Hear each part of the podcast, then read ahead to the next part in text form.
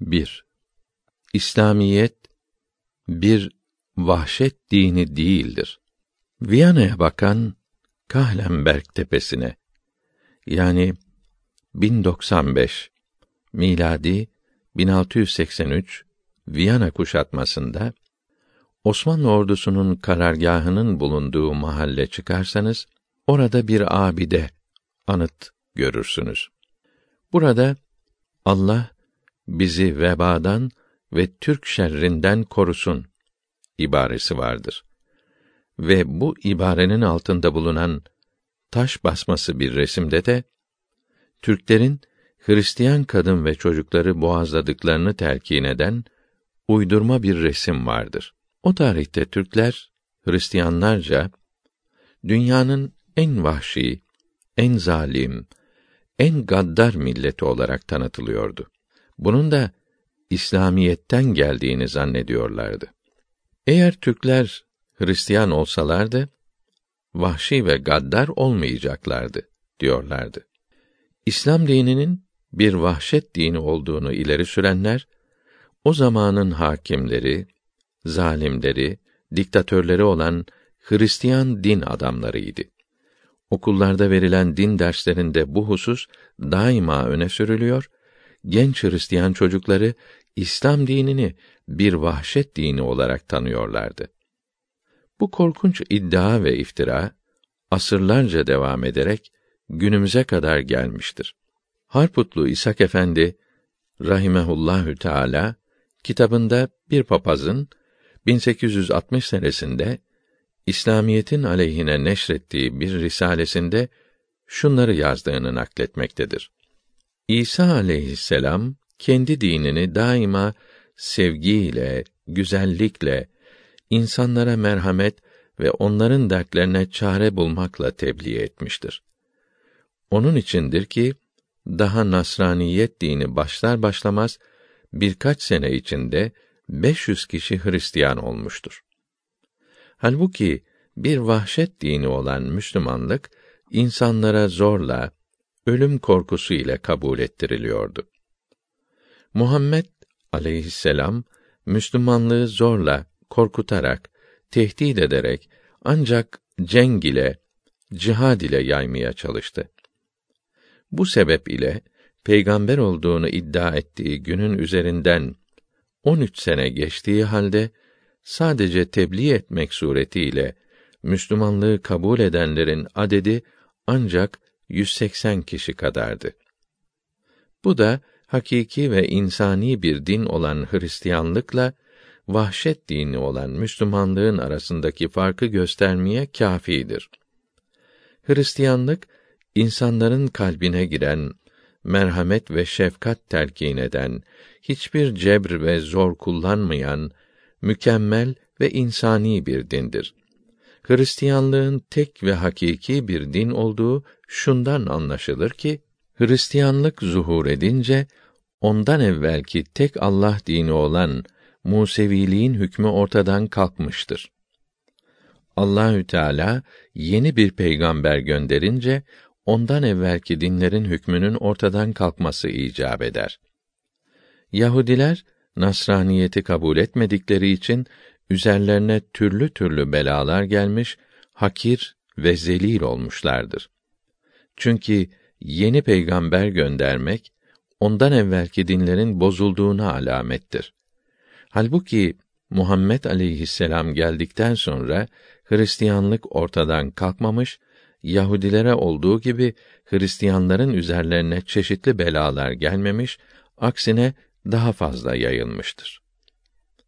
Müslümanların bütün uğraşmalarına, milletleri kılınçtan geçirmelerine, kiliseleri yakıp yıkmalarına, mesela Halife Ömer zamanında dört bin kilise yıkılmıştır. Rağmen Hristiyanlar gün geçtikçe artmakta, refaha, zenginliğe kavuşmakta, buna karşılık Müslümanlar perişan olmakta, fakirleşmekte ve dünya üzerinde hiçbir kıymet ve ehemmiyetleri kalmamaktadır, dedi. Papazın bu iftiralarına Hoca İshak Efendi rahmetullahi aleyh aşağıdaki cevabı vermiştir. Her şeyden önce papazın verdiği bilgi ve rakamlar hakikate uymamaktadır. Çünkü İslam dininin mukaddes kitabı Kur'an-ı Kerim'de dinde zorlama yoktur emri bulunmaktadır. Hazreti Muhammed sallallahu aleyhi ve sellem dini İslam'ı tebliğ ederken hiçbir cebir ve tehdit kullanmadığı halde kendiliğinden ve seve seve Müslümanlığı kabul edenler kısa zamanda artmıştır. Hristiyan tarihçilerinden Kur'an-ı Kerim mütercimi Papa Seyl'in beyanları bu sözümüzü ispat etmektedir. George Seyl 1149 miladi 1736'da öldü. İngiliz papazıdır. 1734'te Kur'an-ı Kerim'i İngilizceye tercüme etti. Eserinin ön sözünde İslamiyet hakkında uzun malumat verdi. 1266 miladi 1850 senesinde basılan bu Kur'an tercümesinde diyor ki: Medine'de daha hicretten evvel içinde Müslüman bulunmayan bir tek ev kalmamıştı. Demek oluyor ki o zamana kadar hiç kılınç yüzü görmeyen şehirlerdeki insanlar sırf İslamiyetin büyüklüğü, doğruluğu, Kur'an-ı Kerim'in belagati sayesinde bu dini severek kabul etmişlerdir. Müslümanlığın pek sürat ile intişar ettiğini aşağıdaki hakiki rakamlar ispat etmektedir. Muhammed sallallahu aleyhi ve sellem vefat ettiği zaman Müslümanların adedi 124 bini bulmuştu. Resulullah'ın sallallahu teala aleyhi ve sellem vefatından dört sene sonra Ömer radıyallahu an 40 bin kişilik bir Müslüman ordusu göndererek bununla İran'ı, Suriye'yi, Konya'ya kadar Anadolu'yu ve Mısır'ı fethetti. Ömer radıyallahu teala an hiçbir zaman gaddarlık göstermedi. Zalim diktatörlerden aldığı memleketlerdeki Hristiyanlara, ateşe tapanlara hiç zulm yapmadı. Bu adaletini bütün cihan dost ve düşman kabul etmektedir. Bu memleketlerde yaşayan halkın çoğu İslam dinindeki adaleti, güzel ahlakı görerek ve anlayarak seve seve Müslüman oldular. Eski batıl dinleri yani Hristiyanlık, Yahudilik ve Mecusilik üzerinde kalanlar pek azdı. Böylece on sene gibi pek az bir zaman zarfında İslam memleketlerinde yaşayan Müslümanların sayısının 30 milyona ulaştığını tarihçiler söz birliğiyle bildirmektedir. Ömer radıyallahu anh dört bin kiliseyi yakıp yıkmak şöyle dursun. Kudüs'e girdiği zaman kendisine hangi kiliseyi cami yapmak istediği sorulunca bu teklifi şiddetle reddetmiş, ilk namazını kilise dışında kılmıştır. İsa aleyhisselam'ın göğe kaldırılmasından 300 sene sonra birinci Konstantin Hristiyanlığı kabul etti. Onun yardımı ve zorlaması ile Hristiyanların nüfusu ancak 6 milyona ulaşabildi. Konstantin Hristiyanlığı kabul etmeyen Yahudilerin kulaklarını kestirdi ve taşlattırdı. Hristiyanlık zuhur edince Yahudiliğin ortadan kalktığı, üzerlerine çeşitli belalar geldiği iddiasına gelince bu papazın tarihi iyi tetkik etmediği, bilmediği anlaşılmaktadır. Zira Yahudilik Hristiyanlık zuhur etmeden çok zaman evvel bozulmuş, Kudüs şehri Asuri hükümdarı Buhtun Nasar milattan önce 604 561 tarafından sonraları da Romalılar tarafından yakılıp yıkılmıştı. Bundan sonra Yahudiler darmadağın olmuşlar, bir daha kendilerine gelememişlerdi. Bütün bunlar İseviliğin zuhurundan evvel meydana geldiğinden Hristiyanlık ile hiçbir ilgisi yoktur. Bugün 21. asra girerken karşımızda bir Yahudi devleti görüyoruz. Demek ki Hristiyanlığa rağmen Yahudilik meydandadır. Esasen bugünkü İsrail devleti kurulmadan evvel de Avrupa'da bütün servet kaynaklarının, bankaların, basının büyük sanayinin başında Yahudiler bulunuyor. Yahudi avukatları bütün dünyada büyük rağbet görüyorlardı. Yahudilerin arasından Lord Disraeli gibi İngiltere İmparatorluğu'nun en zengini ve milletvekili olan insanlar zuhur etti. Yine Yahudilerden Rotelit dünyanın en zengin insanıdır. Bugün dahi Avrupa ve Amerika'da borsalar ve pek çok şirketler hep Yahudilerin ellerindedir. Demek oluyor ki papazın Hristiyanlık zuhur eder etmez Yahudiliğin ortadan kalktığı ve Yahudilerin üzerlerine çeşitli belalar geldiği iddiası tamamen yanlıştır. Ancak kendi dimağında meydana gelen bir hayalden ibarettir. Hristiyan din adamları Hristiyan dininin sırf sevgi, şefkat, merhamet, birbirine yardım esasları üzerine kurulduğunu ilan etmektedirler. Biz komşumuz olan Hristiyan papaza Kitab-ı Mukaddes'in Ahdi Atik kısmının Tesniye kitabı 20. babının 10 18. ayetlerinde ve Kitab-ı Mukaddes'in 1303 miladi 1886 senesinde İstanbul'da yapılan Türkçe baskısının 169. sayfasında yazılı olan bir parçayı gösterdik. Bu parçada aynen şöyle denilmektedir. Bir şehre karşı cenk etmek için ona yaklaştığın zaman oranın halkını sulha çağıracaksın. Eğer onlar bunu kabul eder ve kapılarını sana açarlarsa bu şehrin içindeki bütün insanlar artık senin hizmetçin olacaklar ve ölünceye kadar sana kulluk edeceklerdir. Eğer sulhu kabul etmeyip seninle cenk ederlerse şehri muhasara edeceksin ve senin Allah'ın olan Rab bu şehri senin eline verdiği zaman şehirde bulunan her erkeği kılınçtan geçireceksin. Kadınları, çocukları, hayvanları ve şehir içinde bulunan her şeyi, malları ve benzerlerini kendin için yağma edeceksin. Yani onlara el koyacaksın. Böylece Allah'ın olan Rabb'in sana verdiği düşmanlarının mallarını yiyeceksin. Yalnız bu şehirde değil, senden çok uzakta bulunan diğer bütün şehirlerde de böyle yapacaksın. Allah'ın olan Rabb'in sana miras olarak vermekte olduğu bu kavimlerin şehirlerinde nefes alan hiçbir kimseyi sağ bırakmayacaksın. Hittileri ve Amorileri, Kenanileri ve Perizzileri ve Hivileri ve Yebusileri Allah'ın olan Rabbin sana emrettiği gibi tamamen yok edeceksin. Ta ki kendi ilahlarına yaptıkları bütün rezil hareketlerine göre ibadet yapmayı size öğretmesinler. Yoksa Allah'ın olan Rabb'a karşı isyan etmiş, suç işlemiş sayılırsın. Hristiyan komşumuza sizin mukaddes kitabınızda zavallı insanlara karşı çok gaddarca muamele emrolunmaktadır. Sizin mukaddes kitabınızda bulunan bu emrin mütemadiyen tekrarladığınız Hristiyanlık şefkati ve merhameti ile hiçbir münasebeti yoktur. Nerede sizin merhametiniz, acımanız? Kitab-ı Mukaddes'teki bu parça müthiş bir vahşet ve zulm emridir. Demek sizin dininiz size vahşeti emrediyor.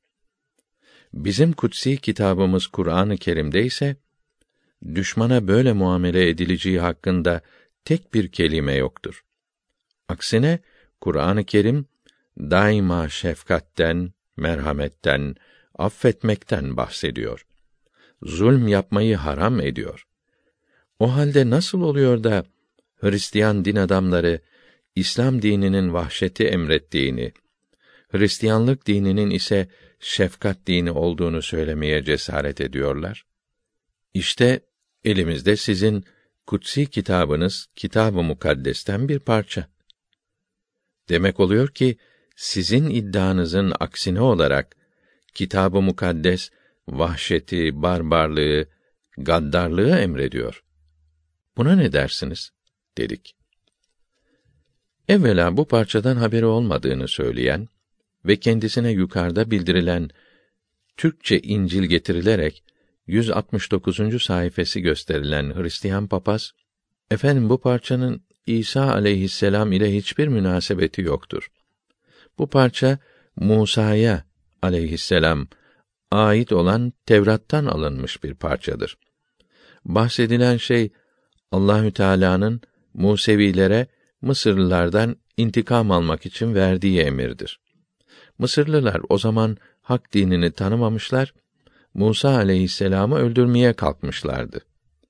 Bunun üzerine Allahü Teala onlardan intikam almak için Yahudilere ismi yazılı kâfir milletleri yok etmek emrini vermişti. İşte kitab-ı mukaddese ilave edilen bu parçanın manası budur. Bunun Hristiyanlık diniyle hiçbir alakası yoktur diye cevap verdi. Bunun üzerine ona dedik ki, her dinin bir mukaddes kitabı vardır. O dine inananlar, ona ait mukaddes kitabın başından sonuna kadar her parçasına iman etmeye mecburdur. Parçaların nereden geldiği, nasıl tertiplendiği mevzu bahs olamaz. Zira mukaddes kitaba Allah kitabı olarak ve içindeki yazılara da Allah'ın emri olarak iman edilir. Hristiyanların mukaddes kitabı kitabı mukaddes yani Tevrat ve İncil'dir. Onun için siz kitabı mukaddeste yazılı bütün yazıları Allah'ın emri olarak tanımak mecburiyetindesiniz. Yok burası eskiydi, yok burası Yahudilere aittir, yok burası İsa'yı değil Musa'yı ilgilendirir diye mukaddes kitabınızı parçalara bölemezsiniz. Bir kısmına iman edip bir kısmına inanmamazlık edemezsiniz. Tamamına iman etmek mecburiyetindesiniz. Eğer İncil'in tesniye kısmında bulunan bu parçanın Hristiyanlıkla hiçbir münasebeti yoksa sizin dini meclisleriniz bu parçayı kitab-ı mukaddesten çıkarmaya yahut bunun bir hurafe olup sonradan İncil'e eklendiğini bütün dünyaya bildirmeye mecbur idi. Böyle bir şey yapılmadığına göre bu parçaya da Allah'ın emri olarak inanıyorsunuz demektir. O halde Hristiyan dininin çok gaddar, vahşi bir din olduğunu, kimseye merhamet etmeden bütün insanları yok etmek istediğini kabul etmek mecburiyetindeyiz. Hristiyan papazı hayrette kalmıştı. Kendisi kitab-ı mukaddesi hiçbir zaman tam okumamış, hele eski ahd kısmını gözden bile geçirmemiş olduğu için bu parçayı ancak bizim göstermemiz üzerine okumuş, hayretten ağzı açık kalmıştı. Nihayet bize siz yalnız beni değil, bütün Hristiyanlık alemini mahcup ettiniz. Ben bir din adamı değilim ve itiraf edeyim ki pek dindar da sayılmam. Fakat kitab-ı mukaddeste yalnız şefkat, merhamet ve affetme hususları bulunduğunu zannediyordum. Bu müthiş vahşet parçası bana bir felaket tesiri yaptı. Aynı zamanda papaz olduğum için de çok mahcup oldum. Memleketime dönünce bu işi ilmi çok olan din adamlarına nakledeceğim. Mümkünse kitab-ı mukaddesin bu kısmını mukaddes kitaptan çıkartmak için alakalı makamlara müracaat edeceğim. Bu kısım muhakkak bir hurafedir. Çünkü böyle korkunç bir emri Allah vermez. Herhalde bu kısım bir Yahudi uydurması olacak, dedi. Kendisini teselli ettik. Ona İngilizce neşrettiğimiz İslamiyet ve Hristiyanlık kitabından verdik. Dedik ki, bu kitabı okursanız, kitab-ı mukaddeste daha pek çok hatalar bulunduğunu görürsünüz. Hatta bir rivayete göre bu yanlışlar yirmi bini bulmaktadır. İncil ile Kur'an-ı Kerim mukayesesi bundan önceki Kur'an-ı Kerim ve bugünkü Tevrat ve İncil'ler kısmında bulunmaktadır. Lütfen oraya müracaat ediniz. Hristiyanların Allahü Teala tarafından gönderildiğine inandıkları Kitab-ı Mukaddes'te zulmü, vahşeti emreden pek çok yerler vardır. Müslümanlara vahşi, İslam dinine vahşet dini diyen, sözde masum ve müşfik Hristiyanlara bir ibret olması bakımından Hristiyanlığın mukaddes kitaplarındaki zulm ve işkencelerden bazılarını kısaca zikredelim. Tevrat'ın Huruç Çıkış kitabının 23. babının 23. ayetinde benim meleğim senin önünde gidecek ve seni Amorilerin, Hittilerin ve Perizzilerin ve Kenanlıların arasına götürecek ve ben onları helak edeceğim. 24. ayetinde onların tamamını yok edip dikili taşlarını tamamen parçalayacaksın demektedir. Adetler Sayılar kitabının 31. babının başında Rab Musa'ya Midyanilerden İsrailoğullarının intikamını al demektedir. 7. ayetinde ve devamında ise Midyanilere karşı cenk ettiler ve her erkeği öldürdüler. Kadınlarını ve çocuklarını esir aldılar.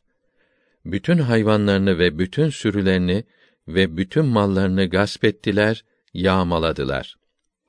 Oturdukları bütün şehirleri ve bütün obalarını ateşle yaktılar demektedir. Bu ayetlerin devamında Musa aleyhisselam'ın kadınları sağ bıraktığı için subaylarına kızdığı ve bütün kadınların ve erkek çocuklarının öldürülmesini emrettiği yazılıdır. Ayrıca öldürülmeyen kız çocuklarının sayısının 32 bin olduğu bildirilmektedir ki, ayet 35, katledilenlerin sayısını siz düşünün. Tesniyenin yedinci babının başında, Allah'ın Rab, mülk olarak almak için gitmekte olduğun diyara seni götüreceği ve senin önünden çok milletleri, Hittileri ve Gırgaşileri ve Amorileri ve Kenanlıları ve Perizzileri ve Hivileri ve Yebusileri senden daha kuvvetli ve daha büyük yedi milleti kovacağı ve Allah'ın Rab onları senin önünde ele vereceği ve sen onları vuracağın zaman onları tamamen yok edeceksin. Onlarla sulh etmeyeceksin ve onlara acımayacaksın demektedir. Hurucun çıkış 32. babının 27. ayetinde Musa onlara dedi: İsrail'in Allah'ı Rab şöyle diyor: Herkes kılıcını beline kuşansın ve ordugahta kapıdan kapıya dolaşsın ve herkes kendi kardeşini ve herkes kendi arkadaşını ve herkes kendi komşusunu öldürsün demektedir. 1. Samuel'in 27. babının 8. ayeti ve devamında Davud aleyhisselam'ın askerleri ile Geşurilere, Gizrilere ve Amalikilere hücum ettiği, erkek kadın kimseyi sağ bırakmadığı yazılıdır. İkinci Samuel'in 8. babında Davud aleyhisselam'ın Suriyelilerden 22 bin kişiyi, daha sonra 18 bin kişiyi öldürdüğü yazılıdır. 10. babının sonunda ise 700 araba cenkçi ile 40 bin atlıyı öldürdüğü yazılıdır. 12. babının sonunda Davud aleyhisselam'ın teslim aldığı şehirdeki esirleri hizarlarla, demir tırmıklarla ve baltalarla katlettiği ve tuğla fırınında çalıştırdığı yazılıdır. Ahdi Atik'te Yuşa aleyhisselam'ın Musa aleyhisselam'dan sonra milyonlarca insanı katlettirdiği yazılıdır.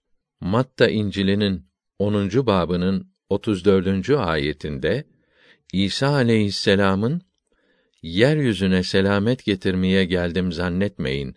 Ben selamet değil fakat kılınç getirmeye geldim dediği yazılıdır.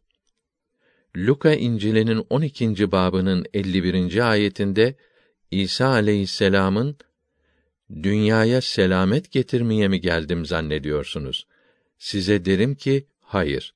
Fakat doğrusu ayrılık getirmeye geldim dediği yazılıdır. Yine Luka İncil'inin 22. babının 36. ayetinde İsa aleyhisselam'ın havarilerine şimdi kesesi olan onu alsın ve torbası olan da alsın ve olmayan esvabını satsın ve kılıç satın alsın dediği yazılıdır. Kitab-ı Mukaddes'i okuyan insaflı bir kimse onun vahşet ve zulm sahneleriyle dolu olduğunu ve bütün bunların peygamberlere Allahü Teala'nın sevgili kullarına atfedildiğini görür. Hristiyanlar Allah kelamı olduğuna inandıkları bu kitabın emirlerine tabi olarak gerek birbirlerine gerekse Müslüman ve Yahudilere çok zulümler ve tarihe kanla yazılan katliamlar yapmışlardır. Papaz Alex Kitchin İngilizce olarak telif ettiği ve Papaz Merik'in Farisiye tercüme ettiği Keşfül Asar ve Fi Kısası Enbiyayı Beni İsrail ismiyle basılan kitabın 27. sayfasında Büyük Konstantin kendi zamanında memleketinde bulunan bütün Yahudilerin kulaklarının kesilmesini emretmiş ve çeşitli yerlere sürgün ederek memleketinden atmıştır demektedir. Papazların yazdığı Siyerül Mütekaddimin kitabında miladın 372 senesinde Roma İmparatoru Gratienus kumandanları ile meşveret ettikten sonra memleketinde bulunan bütün Yahudilerin Hristiyan olmasını, Hristiyanlığı kabul etmeyenlerin ise öldürülmesini emretti demektedir.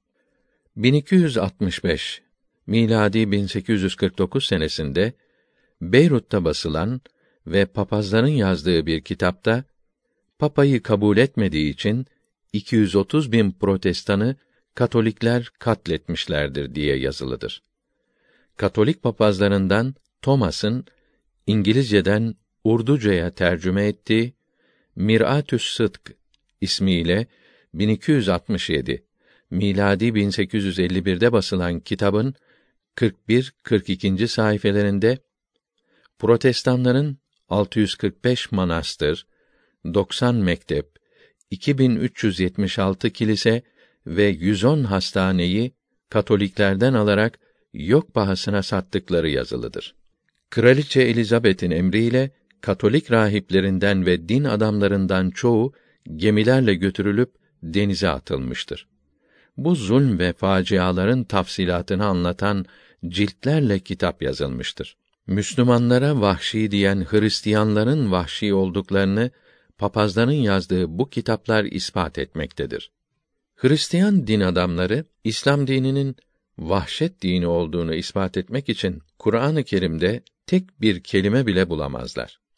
Fakat yukarıda İncil'in eski ahd kısmında bulunan bu bahs Hristiyan dininin tam bir vahşet dini olduğunu göstermiyor mu? Kendi kutsi kitaplarında böyle vahşet emri bulunan Hristiyan din adamları acaba ne yüzle İslam dininden vahşet dini diye bahsediyorlar?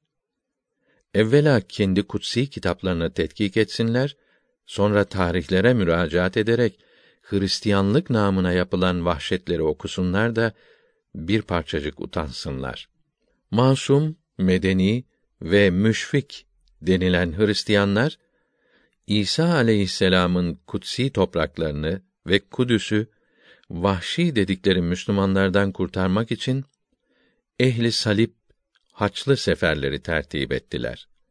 Halbuki o zamanki Hristiyanlar yarı vahşi bir halde yaşarken Müslümanlar medeniyette son derece terakki etmişler, ilm, fen, sanat, ziraat ve tıpta ilerleyerek dünyaya rehber olmuşlardı. Onların bu yüksek medeniyeti zengin olmalarına sebep olmuş, Müslümanlar büyük bir refaha kavuşmuşlardı. Bu yüksek refah derecesi yarı aç, yarı çıplak olan Hristiyan milletlerinin gözünü kamaştırıyor, Müslümanlara haset ediyorlardı. Akılları, fikirleri bu zengin Müslüman memleketlerini yağma etmekti. İşte bunun için bir vesile bulundu.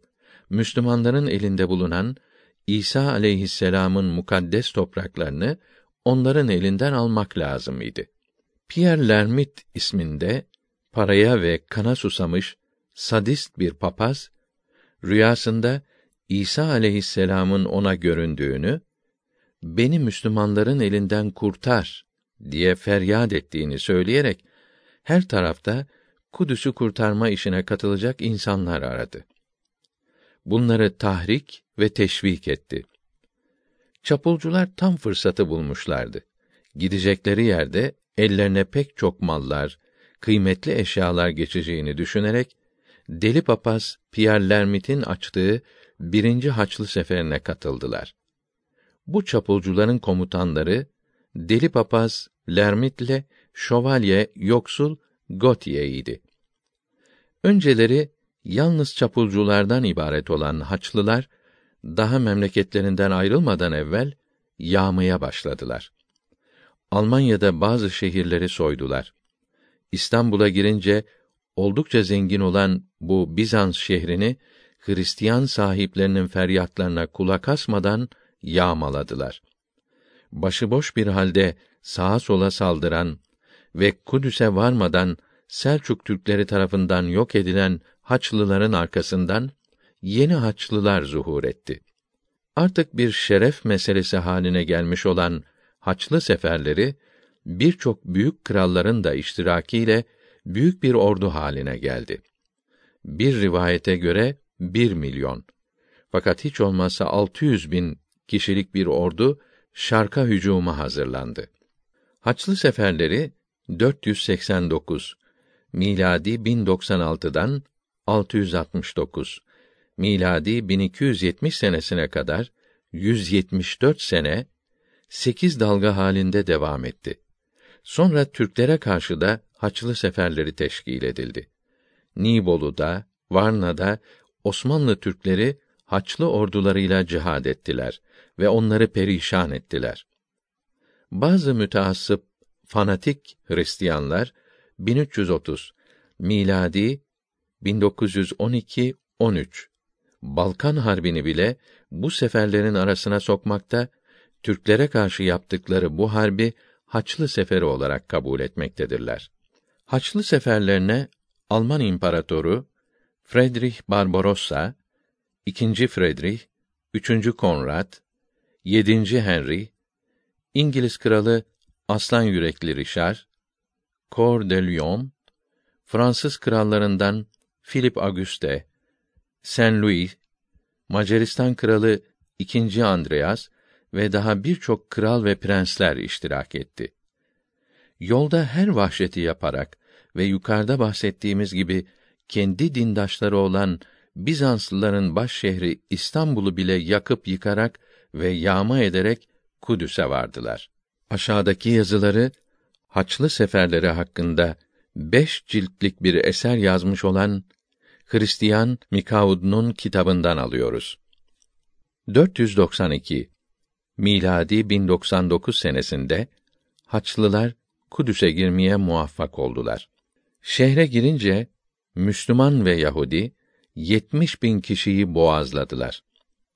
Camilere sığınan Müslüman kadınları ve çocukları hiç acımadan öldürdüler. Sokaklardan sel gibi kan aktı. Sokakları dolduran ölüler yüzünden yollar tıkandı.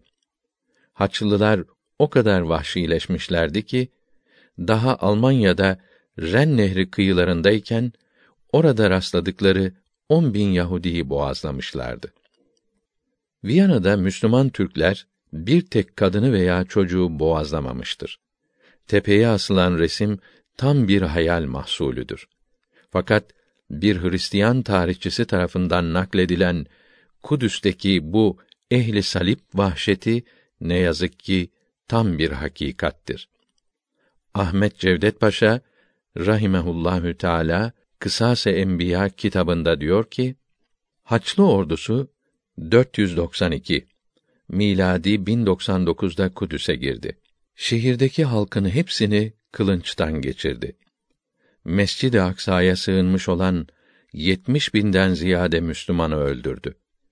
Bunların içinde imamlar, alimler, zahitler, eli silah tutmaz ihtiyarlar çoktu.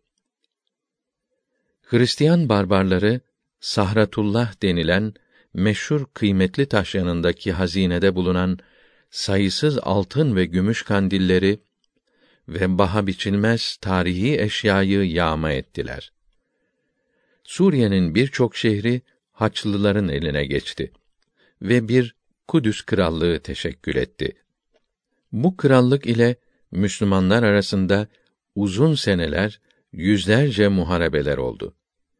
Nihayet Sultan Selahaddin Eyyubi rahimehullahü teala dipnot 1 Selahaddin Eyyubi 589 miladi 1193'te vefat etti.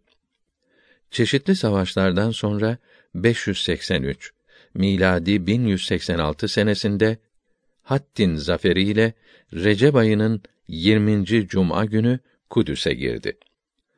Bir sene içinde birçok şehirleri Haçlılardan temizledi. Yüz binlerce Müslümanı esaretten kurtardı. Kudüs patriği ve piskoposlar, papazlar matem elbisesi giyerek Avrupa'yı dolaştılar. İntikam almak için propaganda yaptılar. Papa mağlubiyet haberini işitince kederinden öldü. Bütün Avrupa'da yeniden Haçlı ordusu kuruldu. Alman İmparatoru Friedrich, Fransa kralı Philip, İngiltere kralı Richard göğüslerine haçlar takınarak birer büyük ordu ile geldiler. Kudüs'ü alamadılar. Mısır Sultanı Melik Eşref rahimehullahü teala 690 miladi 1290 senesinde Haçlıların merkezi olan Akkâ'yı ve diğer şehirleri alarak Haçlı seferleri nihayet buldu. 1099'dan 1187'ye kadar 88 sene Hristiyanların elinde kalan Kudüs bu tarihte Selahaddin Eyyubi tarafından kurtarıldı. Kendisine karşı çıkan aslan yürekli Rişar'ı esir aldı. Fakat ona karşı son derecede nezaket ve şefkat ile davrandı. Ona bir esir değil, bir kral muamelesi yaptı. İşte size vahşi Müslümanlık ile müşfik Hristiyanlık arasındaki farkı gösteren en büyük misal. Bazı kiliselerin Müslümanlar tarafından camiye çevrildiği doğrudur. Fakat bunlardan hiçbiri yıkılmamış, aksine tamir edilmiştir. Fatih Sultan Muhammed Han rahimehullahü teala İstanbul'u fethettiği zaman Ayasofya Kilisesi'ni camiye çevirdi. Bu yapılan sulh şartlarından biriydi.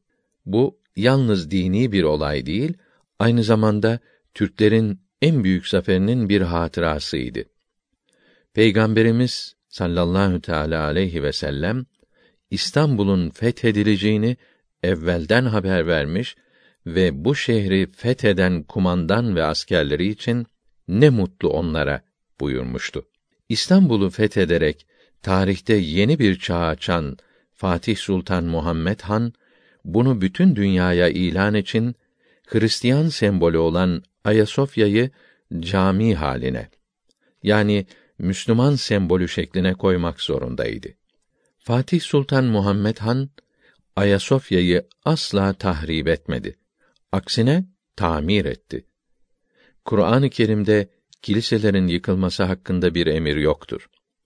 İleride göreceğiniz gibi Müslüman hükümetler daima kiliseleri ve sair ibadet yerlerini tecavüzden korumuşlardır. Şimdi size kendilerini müşfik, masum ve merhametli sayan Hristiyanların bir camiyi kiliseye çevirme işinden bahsedeceğiz. Aşağıdaki yazı 1312 miladi 1894 senesinde Almanya'da Würzburg şehrinde neşredilmiş olan ve Prens Salvator, Profesör Graus, Teolog Kirschberger, Baron von Bibra, Bayan Trelfall tarafından hazırlanan Spain, İspanya ismindeki eserden alınmıştır. İspanya'da en mühim şehirlerden biri Cordoba. Arapça ismi Kurtuba'dır. Bu şehir Arap Endülüs devletinin merkeziydi. Müslümanlar Tarık bin Ziyad rahimehullahü teala kumandasında 95 miladi 711'de İspanya'ya geçince bu şehri kendilerine baş şehir yapmışlardı. Araplar bu şehre medeniyet getirdiler. Yarı vahşi olan bu şehri tam bir medeni şehre çevirdiler. bir büyük saray, El Kasr, hastaneler, medreseler yaptılar. Bunların yanında bir de büyük camia, üniversite kurdular. Avrupa'da ilk kurulan üniversite budur. O zamana kadar Avrupalılar ilimde, fende, tıpta, ziraatte ve medeniyette çok geri kalmışlardı. Müslümanlar onlara ilm, fen, medeniyet getirdiler. Onlara hocalık ettiler. Endülüs İslam devletini kuran birinci Abdurrahman bin Muaviye bin Hişam bin Abdülmelik rahimehumullahü teala Kurtuba'da çok büyük bir cami yaptırmak istedi. Bu caminin Bağdat'ta bulunan camilerden daha büyük, daha güzel ve ihtişamlı olmasını istiyordu. Kurtuba'da bu işe en uygun arsayı seçti. Arsa bir Hristiyana ait idi. Bu adam arsası için çok para istedi. Çok adil bir hükümdar olan birinci Abdurrahman isterse zorla bu araziyi alabilirken katiyen böyle bir yola başvurmadı. Aksine Hristiyan sahibine istediği parayı ödedi. Hristiyanlar bu parayla kendilerine üç küçük kilise yaptılar. Caminin yapılmasına 169 miladi 785 senesinde başlandı. Abdurrahman günde birkaç saat bina inşaatında bir amele gibi çalışıyordu. İnşaat malzemesi doğunun birçok yerlerinden getirtildi. Tahta kısımlar için Lübnan'ın en mükemmel ağaçları, mermer kısımlar için doğunun birçok yerlerinden renkli mermerler, Irak'tan ve Suriye'den kıymetli taşlar, inci, zümrüt, fil dişi bu araziye yığıldı. Her şey çok güzel ve çok boldu. Cami ihtişamlı bir bina halinde yavaş yavaş yükselmeye başladı. Birinci Abdurrahman'ın ömrü caminin bittiğini görmeye yetmedi. 172 miladi 788 senesinde vefat etti. Ondan sonra hükümdar olan oğlu Hişam ve torunu birinci hakem rahimehumallahü teala caminin tamamlanmasına gayret ettiler. Cami on senede tamamlandı. Fakat bundan sonra her sene bir parça ilave edilerek en son şeklini 380 miladi 990 senesinde yani ancak 205 sene sonra aldı. İkinci hakem 366 miladi 976'da camiye altından bir minber yaptırdı. İşte böylelikle bu cami pek muazzam, pek haşmetli ve son derecede güzel bir eser olarak ortaya çıktı. Cami 120'ye 135 metre ebadında ve müstatil, dikdörtgen şeklindeydi. İki kolu biraz ileriye doğru uzanıyor. Bu kolların uzunluğu 135 metreyi buluyordu. Bu uzanan iki kolun binanın esas gövdesinden çıkan kısımları arasında bir açık avlu meydana gelmişti.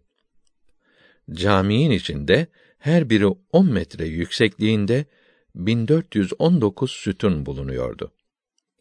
Bu sütunlar dünyanın en mükemmel mermerlerinden yapılmıştı. Sütunların tepelerindeki kemerler birkaç renkli mermerden parça parça olarak meydana getirilmişti. Camiye girince insanın gözü bu sütun ormanında kayboluyordu. Mermer sütun başlıklarına bakanlar bu güzellik karşısında hayran kalıyordu. Camiye giren herkes adeta büyüleniyordu. Bu kadar güzellik o zamana kadar dünyanın hiçbir yerinde görülmemişti. Caminin yirmi kapısı vardı. Kapıların önünde özel portakal bahçeleri kurulmuş, her taraf yeşilliğe bürünmüştü. Caminin etrafında diğer bahçeler, havuzlar, fıskiyeler, çeşmeler vardı. Müslümanların abdest alabilmesi için birçok şadırvanlar yapılmıştı. Caminin zemini en kıymetli mermer ve süslü tahtalarla işlenmişti. Tavanın yapılması için kullanılan kıymetli Lübnan tahtaları ayrı bir güzellik, ayrı bir heybet veriyordu. Duvar ve tavanlarda oymalar, işlemeler ve çok güzel yazılar vardı. İnsan camiye girip bir göz atsa sanki bu muhteşem sütun ormanı bitmeyecek gibi görünüyordu. Geceliğin binlerce gümüş kandillerden fışkıran renkli ışıklar camiyi aydınlatıyordu.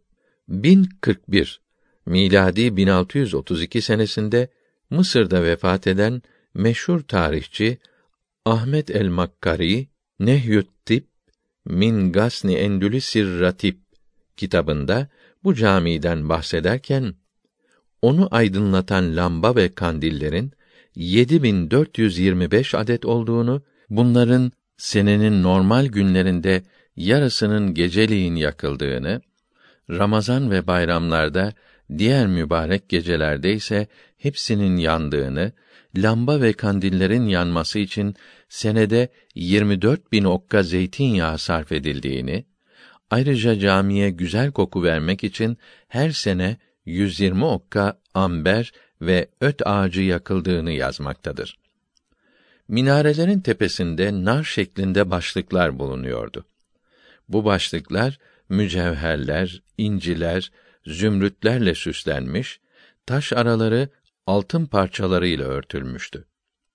Lübnan'da Hristiyan papazların yazdığı Müncit Lügat kitabında Kurtuba Camii'nden iki nefis manzara resmi vardır. Hristiyanlar 897 miladi 1492'de Endülüs devletini mahvedip Kurtuba'ya girince ilk iş olarak bu camiye saldırdılar. Bu çok güzel, haşmetli binaya atlarıyla girdiler. Camiye sığınmış olan Müslümanları merhametsizce boğazladılar. O kadar ki caminin kapılarından kan akmaya başladı. Ondan sonra altın minberi parçalayarak aralarında taksim ettiler. Fil dişinden yapılmış rahleleri paylaştılar. Minberde saklanan ve Osman radıyallahu anh'ın yazdığı Kur'an-ı Kerim'in bir eşi olan inci ve zümrütle işlenmiş nefis mushaf-ı şerifi ayaklarının altına alarak çiğnediler. Böylece minber ve Kur'an-ı Kerim bu iki eşsiz nefis eser tamamen yok edildi. Vahşi İspanyollar bütün Müslüman ve Yahudileri kılıç tehdidiyle zorla Hristiyan yaptılar. Ellerinden kaçabilen Yahudiler Osmanlı Devleti'ne iltica ettiler. Bugün Türkiye'de bulunan Yahudiler bunların torunlarıdır.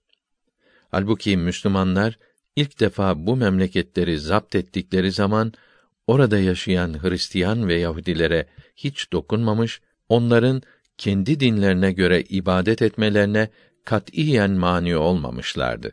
Hristiyan İspanyollar görülmemiş bir vahşetle Müslüman ve Yahudileri yok ettikten sonra bu şaheser camiyi yıkmaya başladılar. Önce minarelerdeki altın ve zümrütle işlenmiş nar şeklindeki başlıkları indirerek yağma ettiler. Bunların yerine adi taştan yapılmış güya melek şeklinde çirkin başlıklar koydular. Tavandaki o haşmetli, güzel tahta süsleri söktüler. Yerdeki güzel mermerleri kırıp parçaladılar. Yerlerine adi taşlar dizdiler. Duvarlardaki bütün güzel süslemeleri yerle bir ettiler. Sütunları yıkmaya çalıştılar. Fakat ancak bir kısmını devirebildiler. Geri kalan sütunları adi kireçle badana ettiler. Yıkılan sütunlar yüzlerceydi ve caminin içinde büyük bir mermer yığını halinde serilmiş kalmıştı. Yirmi kapıdan çoğu taşlarla örülerek kapatıldı. Nihayet en son bir vahşet eseri olarak 929 miladi 1523 senesinde caminin içine bir kilise yapmaya karar verdiler. Bunun için o zaman İspanya ve Almanya imparatoru olan 5. Carlos'tan yani Almanya imparatoru 5. Charles Quent'ten 906 966 miladi 1500 1558 izin istediler. Charles Quent bu teklifi evvela reddetti. Fakat mutaassıp kardinaller onu mütemadiyen sıkıştırıyor, din uğruna bu işin muhakkak yapılması icap ettiğini savunuyorlardı. Bunların başında çok büyük nüfuzu olan Kardinal Alonso Marique bulunuyordu. Bu kardinal aynı zamanda papayı da bu iş için kandırmıştı. Papanın da caminin kiliseye çevrilmesini arzu ettiğini gören Charles Quent bu işe muvaffakat etmek zorunda kalmıştı. Kilise yapmak için birçok sütunlar daha yıkıldı ve camide kalan sütun sayısı 812'ye kadar düştü. Yani en azdan 600 kıymetli mermer sütun yıkıldı. Yapılan kilise caminin ortasında haç şeklinde 52'ye 12 metre ebadında çirkin bir bina olarak kendini gösterdi. Charles Quint bizzat Kurtuba'ya gelerek bu kiliseyi gördü, çok üzüldü. Yaptığınız vahşeti görünce size bunun için izin verdiğime çok pişman oldum. Dünyada bir benzeri bulunmayan bu güzel eseri böylece tahrip edeceğinizi bilseydim size müsaade etmez ve hepinizi cezalandırırdım. Yaptığınız bu çirkin kilise eşi her yerde bulunan adi bir binadan ibarettir. Halbuki bu haşmetli caminin bir nazirini yapmak imkanı yoktur, dedi. Bugün bu haşmetli binayı ziyaret edenler, harab olmasına rağmen, İslam mimarisinin bu büyük eserinin güzelliği, büyüklüğü karşısında hayran kalmakta, ortada bir cüce gibi görünen kilisenin haline acımakta ve böyle bir haşmetli eserin bu hale gelmesine müteessir olmaktadırlar. Spain'den tercüme tamam oldu. Yukarıda okuduğunuz yazı Hristiyanlardan kurulmuş ve içlerinde din adamı papazların da bulunduğu bir heyet tarafından yazılmıştır. Sırf hakikattir. İşte görünüz, kim zorla din değiştirtmiş, kim ibadet yerlerini yakıp yağmalamış, kim zulm yapmış, siz de öğreniniz. Kurtuba'daki caminin ismi bugün La Mescueta kilisesidir. Bu kelime mescit isminden gelmektedir. Yani hala bu bina mescit ismini taşımakta, onu ziyaret edenler bir kilise değil, İslam medeniyetinin bir büyük ve haşmetli eseri olarak görmektedir. Abdülreşit İbrahim Efendi Dipnot 1 Abdülreşit Efendi 1944'te Japonya'da vefat etti. 1328 miladi 1910'da İstanbul'da basılan Türkçe Alemi İslam kitabının ikinci cildinde İngilizlerin İslam düşmanlığı yazısının bir yerinde diyor ki hilafeti İslamiyenin bir an evvel kaldırılması İngilizlerin birinci düşünceleridir. Kırım muharebelerine sebep olmaları ve burada Türklere yardım etmeleri hilafeti mahvetmek için bir hileydi. Paris Muahedesi bu hileyi ortaya koymaktadır. 1923'te yapılan Lozan sulhunda yaptıkları tekliflerinde de bu düşmanlıklarını açıkça bildirmişlerdir. Her zaman Türklerin başına gelen felaketler hangi perde ile örtülürse örtülsün hep İngilizlerden gelmiştir. İngiliz siyasetinin temeli İslamiyeti yok etmektir. Bu siyasetin sebebi İslamiyetten korkmalarıdır. Müslümanları aldatmak için satılmış vicdanları kullanmaktadırlar. Bunları İslam alimi, kahraman olarak tanıtırlar. Sözümüzün hülasası İslamiyetin en büyük düşmanı İngilizlerdir. Amerikalı hukuk ve siyaset adamlarından Brian William Jennings kitapları, konferansları ve 1891 ile 1895 arasında Amerika Birleşik Devletleri Kongresi Temsilciler Meclisi'nde azalık yapması ile meşhurdur. 1913-1915 arasında Amerika Birleşik Devletleri Hariciye Vekiliydi. 1925'te öldü. Hindistan'da İngiliz hakimiyeti kitabında İngilizlerin İslam düşmanlığını, vahşetlerini ve zulümlerini uzun yazmaktadır. Hristiyanların Müslümanlara yaptıkları zulümlerin, işkencelerin en vahşisi, en canavarcası İngilizler tarafından Hindistan'da yapılmıştır.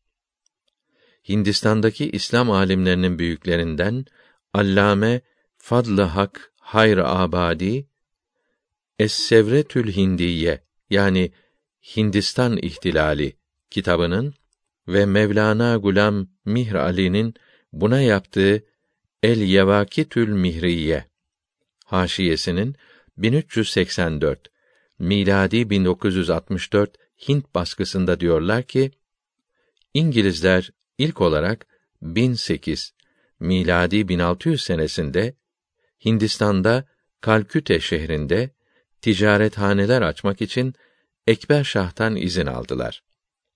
Şah-ı Alem zamanında Kalküte'de arazi satın aldılar. Bunları muhafaza için asker getirdiler. 1126 miladi 1714'te Sultan Ferruh Sir Şah'ı tedavi ettikleri için bütün Hindistan'da bu hak kendilerine verildi. Şahı Alemi Sani zamanında Delhi'ye girerek idareye hakim oldular. Zulme başladılar. Hindistan'daki Vehhabiler 1274 miladi 1858'de Sünni, Hanefi ve Sofi olan Sultan II. Bahadir Şah'a bid'at ehli hatta kafir dediler. Bunların ve Hindu kâfirlerinin ve hain vezir Ahsenullah Han'ın yardımı ile İngiliz askeri Delhi şehrine girdi. Evleri, dükkanları basıp malları, paraları yağma ettiler. Kadınları, çocukları dahi kılınçtan geçirdiler. İçecek su bile bulunmaz oldu. Tembih Adem aleyhisselam'dan bugüne kadar her zaman her yerde kötü insanlar iyilere saldırmışlardır. Allahü Teala her şeyi sebepler ile yaratmaktadır. Kötülerin cezasını da kötü insanlar vasıtasıyla vermektedir. İşkence edenlere dünyada da cezalarını vermektedir. Kötülerin yanı sıra iyiler de azap görmektedir. Bunların ve harpte ölenlerin ve kazada ölenlerin hepsi şehittir. Dünyada azap çeken iyi, suçsuz Müslümanlara ahirette bol nimetler verilecektir. Ahirette nimete kavuşmak için iman sahibi olmak lazım olduğu din kitaplarında yazılıdır. Bu kitaplar dünyanın her yerinde çok vardır. Bu kitapları okuyup da inanmayana kafir denir. İslamiyeti işitmeyen kafir olmaz. İşitince la ilahe illallah Muhammedun Resulullah diyen ve buna inanan Müslüman olur. Bunun manası her şeyi yaratan bir Allah vardır ve Muhammed aleyhisselam onun resulüdür. Dür. Müslüman olan onun son peygamberine tabi olur. Birçok yerde kâfirler, zalimler suçsuz Müslümanları, kadınları, çocukları öldürmüşlerdir. Öldürülen Müslümanlar şehit olur. Öldürülürken yapılan işkencelerin acısını duymaz. Ölürken kabirde verilecek olan cennet nimetlerini görerek çok sevinir. Şehitler ölürken hiç acı duymaz.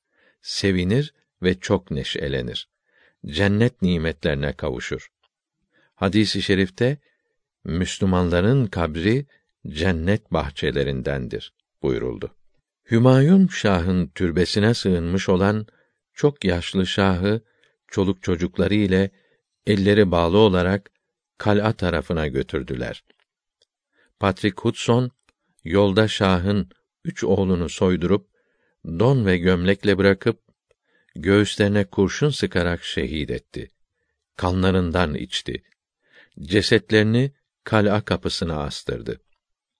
Bir gün sonra başlarını İngiliz kumandanı Henry Bernard'a götürdü. Sonra başları suda kaynatıp şaha ve zevcesine çorba olarak götürdü. Çok aç olduklarından hemen ağızlarına koydular. Fakat çiğneyemediler, yutamadılar. Ne eti olduğunu bilmedikleri halde çıkarıp toprağa bıraktılar. Hain papaz Hudson, niçin yemediniz?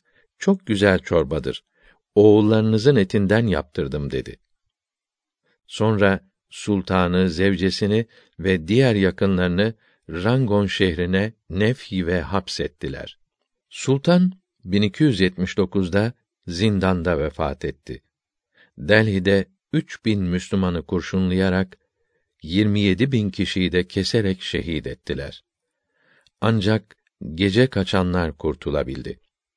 Hristiyanlar diğer şehirlerde ve köylerde de sayısız Müslümanları öldürdüler. Tarihi sanat eserlerini yaktılar. Eşi bulunmayan, kıymet biçilemeyen zinet eşyalarını gemilere doldurup Londra'ya götürdüler. Allame Fadl Hak 1278 miladi 1861'de Andaman adasında zindanda şehit edildi. 28 12 1994 tarihli Türkiye gazetesi takviminde diyor ki Hindistan İngiliz müstemlekesiyken Armitsar şehrinde bisikletle dolaşan bir İngiliz kızıyla alay ettikleri için orada bulunan Müslümanlardan 70 kişi kurşuna dizilerek öldürülüyor. Valiye bunun sebebi soruldukta bir İngiliz kızı onların tanrılarından daha azizdir demiştir. 31 12 1994 tarihli Türkiye gazetesindeki bir resimde sokakta kanlar içinde yatan bir boşnak kızı ile yanında bir Sırp askerinin kahkaha ile güldüğü görülmektedir. Resmin altında Saraybosna'da Kasım 1994'te 7 yaşındaki Nermin Hristiyan canavarları tarafından böyle katledildi yazılıdır. 1400 miladi 1979 senesinde Ruslar Afganistan'ı işgal ederek İslam sanat eserlerini tahrip ve Müslümanları şehit etmeye başlayınca evvela büyük alim Veli İbrahim Müceddidi'yi 121 talebesi ve zevce ve kızları ile kurşunlayıp şehit ettiler. Bu vahşetin alçak hücumun sebebi de İngilizler oldu. Çünkü 1945 senesinde Rus ordularını mağlup ederek Moskova'ya girmek üzere olan Alman devlet reisi Hitler radyoda İngiliz ve Amerikalılara haykırarak mağlubiyeti kabul ediyorum. Size teslim olacağım. Bana müsaade ve fırsat veriniz. Rusya ile harbe devam edeyim. Rus ordusunu perişan edeyim. Komünist felaketini dünyadan kaldırayım dedi. İngiliz Başvekili Churchill bu teklifi reddetti. Amerikalılar ve İngilizler Ruslara yardıma devam ederek Ruslar gelmeden Berlin'e girmediler. Rusların dünyaya bela olmasını sağladılar. Hristiyanların yaptıkları muhtelif zulümleri saymak ve uzun uzadıya anlatmak istemiyoruz. Tarih baştan başa bu zulümlerle doludur. Din namına yapılan Engizisyon zulümleri, Sen Bartelmi faciası ve buna benzer toplu katliler Hristiyanların mezhepleri farklı Hristiyanlara ve diğer dinlere karşı gösterdikleri akıl ermez vahşetleri birer birer teşhir etmektedir. Müslüman hükümdarlar, Müslüman kumandanlar, Müslüman devlet adamları arasında hiçbiri hiçbir zaman Hristiyanların yaptıkları gibi zulümler yapmamış, bunları din namına yapıyoruz demek küstahlığında bulunmamış, Müslüman alemini Hristiyanlara karşı teşvik etmemiştir. İslamiyette hiçbir mahluka zulm yapmak caiz değildir. Bütün Müslüman din adamları zulme mani olmuştur. İşte size küçük bir misal. Fezleke-i Tarihi Osmani 8. baskısında ve Mektebi Sultani müdiri Abdurrahman Şeref Bey'in rahimehullahü teala Tarihi Devleti Osmaniyesi'nin 1325 miladi 1907'deki üçüncü baskısında diyor ki: Darüs Saade ağası iken emekli olan Sümbül Ağa Mısır'a giderken gemisi Rodos açıklarında Malta korsanları tarafından basılıp ağa şehit edildi. Venedik gemileri Mora'ya asker çıkarıp çocuk ve kadın demeden binlerce Müslümanı öldürdü. 18. padişah Sultan İbrahim çok merhametliydi. Hristiyanların bu katliamını işitince pek üzüldü. 1056 miladi 1646 senesinde bunlara karşılık olarak Osmanlı idaresinde müstemin misafir olarak bulunan Hristiyanlara kısas yapılmasını, öldürülmelerini emr ve ferman eyledi.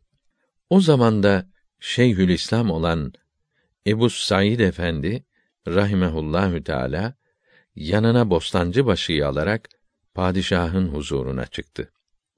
Böyle bir kararın ve haksız yere insan öldürmenin İslam dinine aykırı olduğunu bildirdi. Sultan İbrahim rahimehullahü teala bütün Osmanlı sultanları gibi İslam dinine ve Allahü Teala'nın kitabına çok bağlı olduğu için bu nasihati kabul ederek kararından vazgeçti. Şemsüddin Sami Bey dipnot 1 Şemsüddin Sami 1322 miladi 1904'te İstanbul'da vefat etti. Kamusül Alam'da diyor ki: Sultan İbrahim'in kaddi ve kâmeti mevzun, yüzü gözleri güzel idi. İyi ahlakı ve cömertliğiyle meşhur idi. İşte İslam dini budur. Müslüman din adamları Hristiyanları ölümden kurtarırken Hristiyan papalar, patrikler, papazlar dünyayı Müslümanları öldürmeye davet ediyorlardı. Bir de küstahça karşımıza çıkarak İslam dininin vahşet dini olduğunu iddiaya kalkışıyorlar. İsa aleyhisselam sağ yanağınıza tokat atan kimseye sol yanağınızı da çevirin buyurdu demektedirler. İngilizlerle Yahudiler yalanlarla, iftiralarla ve para, mevki vaat ederek Müslüman evlatlarını aldatıp Osmanlı İslam devletini yıktılar. Gençler arasına dinsizlik modasını yaydılar. Kadınların, kızların açık gezmelerine, fuhşa, içkiye, ahlaksızlığa, dinsizliğe, ilericilik dediler. İslam alimlerini, İslam bilgilerini yok ettiler. İngiliz casusları, masonlar, din adamı şekline girerek İslam'ın güzel ahlakını, ibadetleri bozdular. İslamiyet gitti. Yalnız adı kaldı.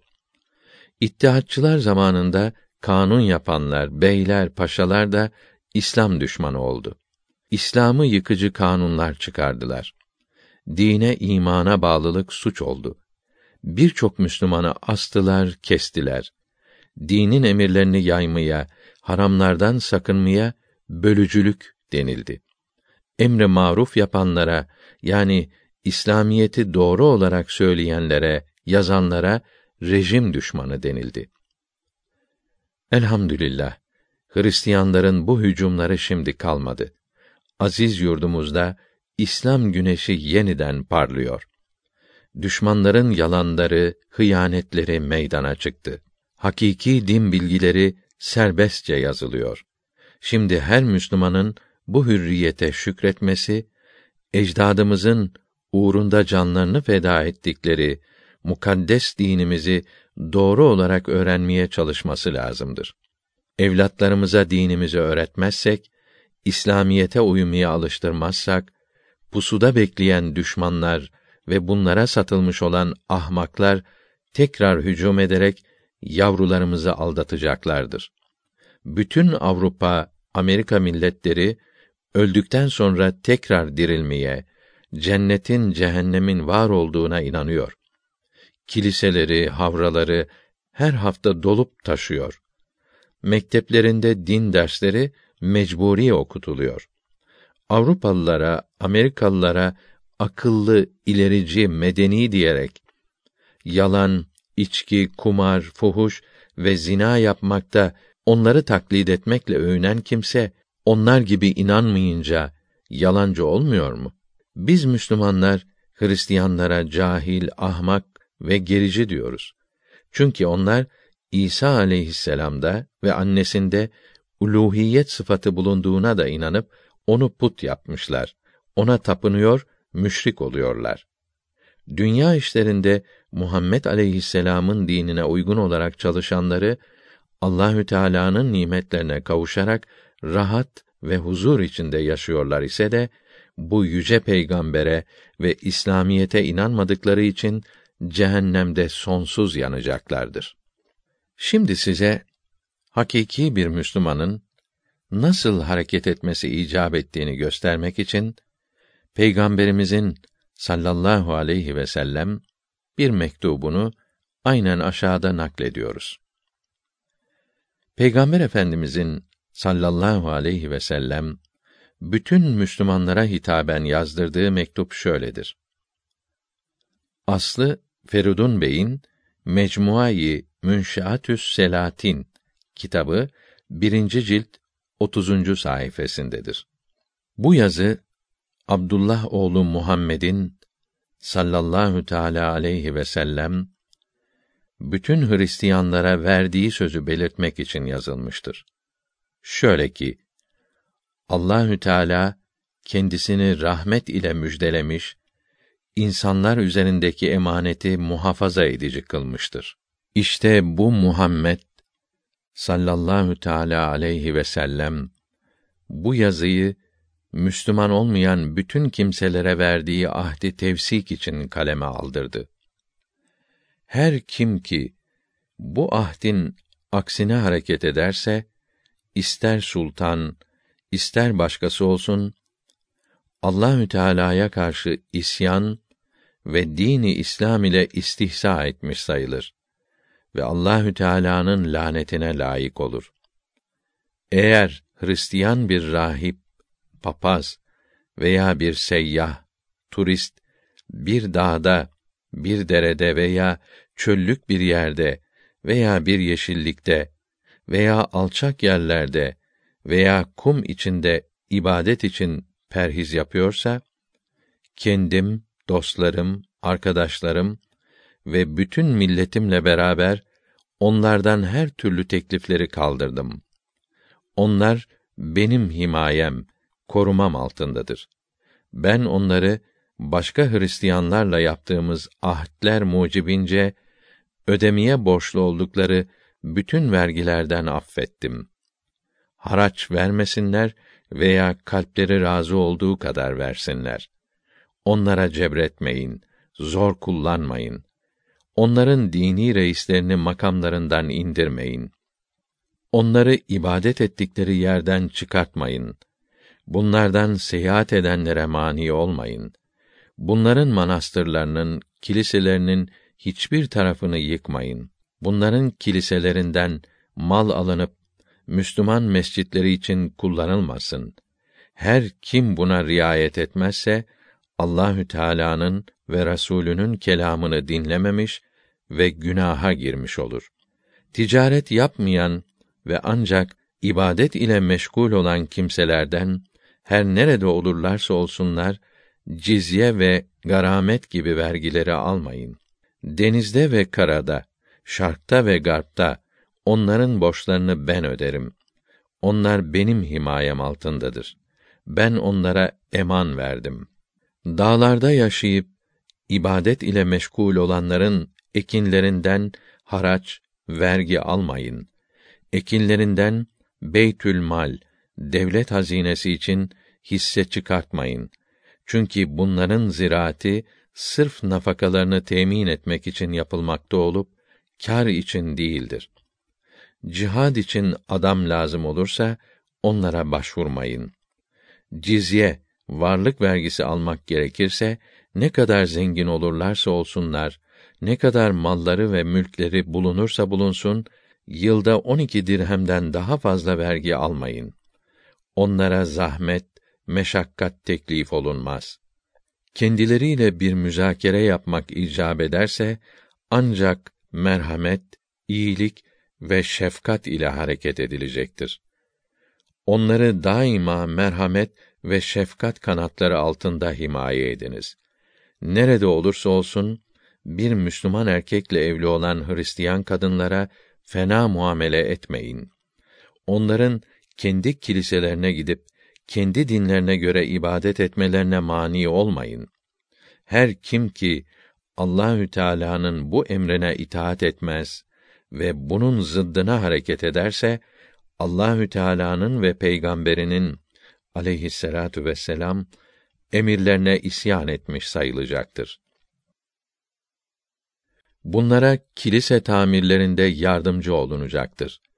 Bu ahdname, sözleşme kıyamet gününe kadar devam edecek, dünya sonuna kadar değişmeden kalacak ve hiçbir kimse bunun aksine bir harekette bulunamayacaktır.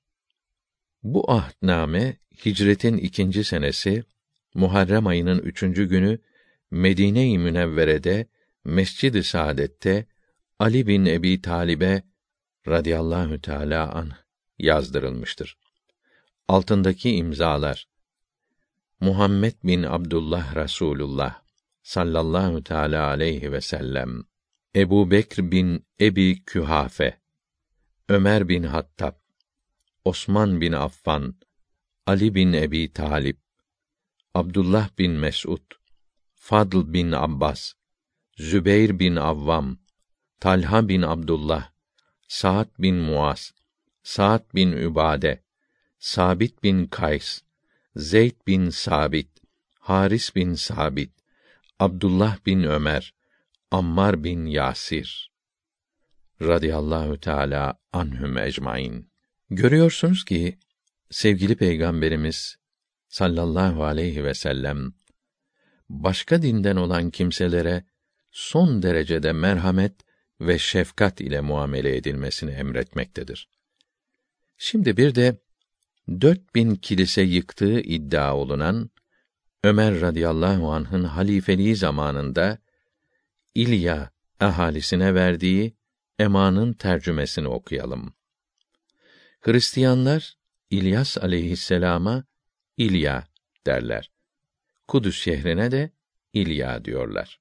İş bu mektup Müslümanların emiri Ömerül Faruk'un radıyallahu teala an İlya ehalisine verdiği eman mektubudur ki onların varlıkları, hayatları, kiliseleri, çocukları, hastaları sağlam olanlarıyla diğer bütün milletler için yazılmıştır. Şöyle ki Müslümanlar onların kiliselerine zorla girmeyecek, kiliseleri yakıp yıkmayacak, kiliselerin herhangi bir yerini tahrip etmeyecek, mallarından bir habbe, danecik bile almayacak, dinlerini ve ibadet tarzlarını değiştirmeleri ve İslam dinine girmeleri için kendilerine karşı hiçbir zor kullanılmayacak. Hiçbir Müslümandan en ufak bir zarar bile görmeyecekler. Eğer kendiliklerinden memleketten çıkıp gitmek isterlerse varacakları yere kadar canları, malları ve ırzları üzerine eman verilecektir. Eğer burada kalmak isterlerse tamamen teminat altında olacaklar. Yalnız İlya ahalisi kadar cizye gelir vergisi vereceklerdir. Eğer İlya halkından bazıları Rum halkıyla birlikte aile ve mallarıyla beraber çıkıp gitmek isterlerse ve kiliselerini ve ibadet yerlerini boşaltırlarsa varacakları yere kadar canları, kiliseleri, yol masrafları ve malları üzerine eman verilecektir. Yerli olmayanlar ister burada otursunlar, isterlerse gitsinler, ekim biçme zamanına kadar onlardan hiçbir vergi alınmayacaktır.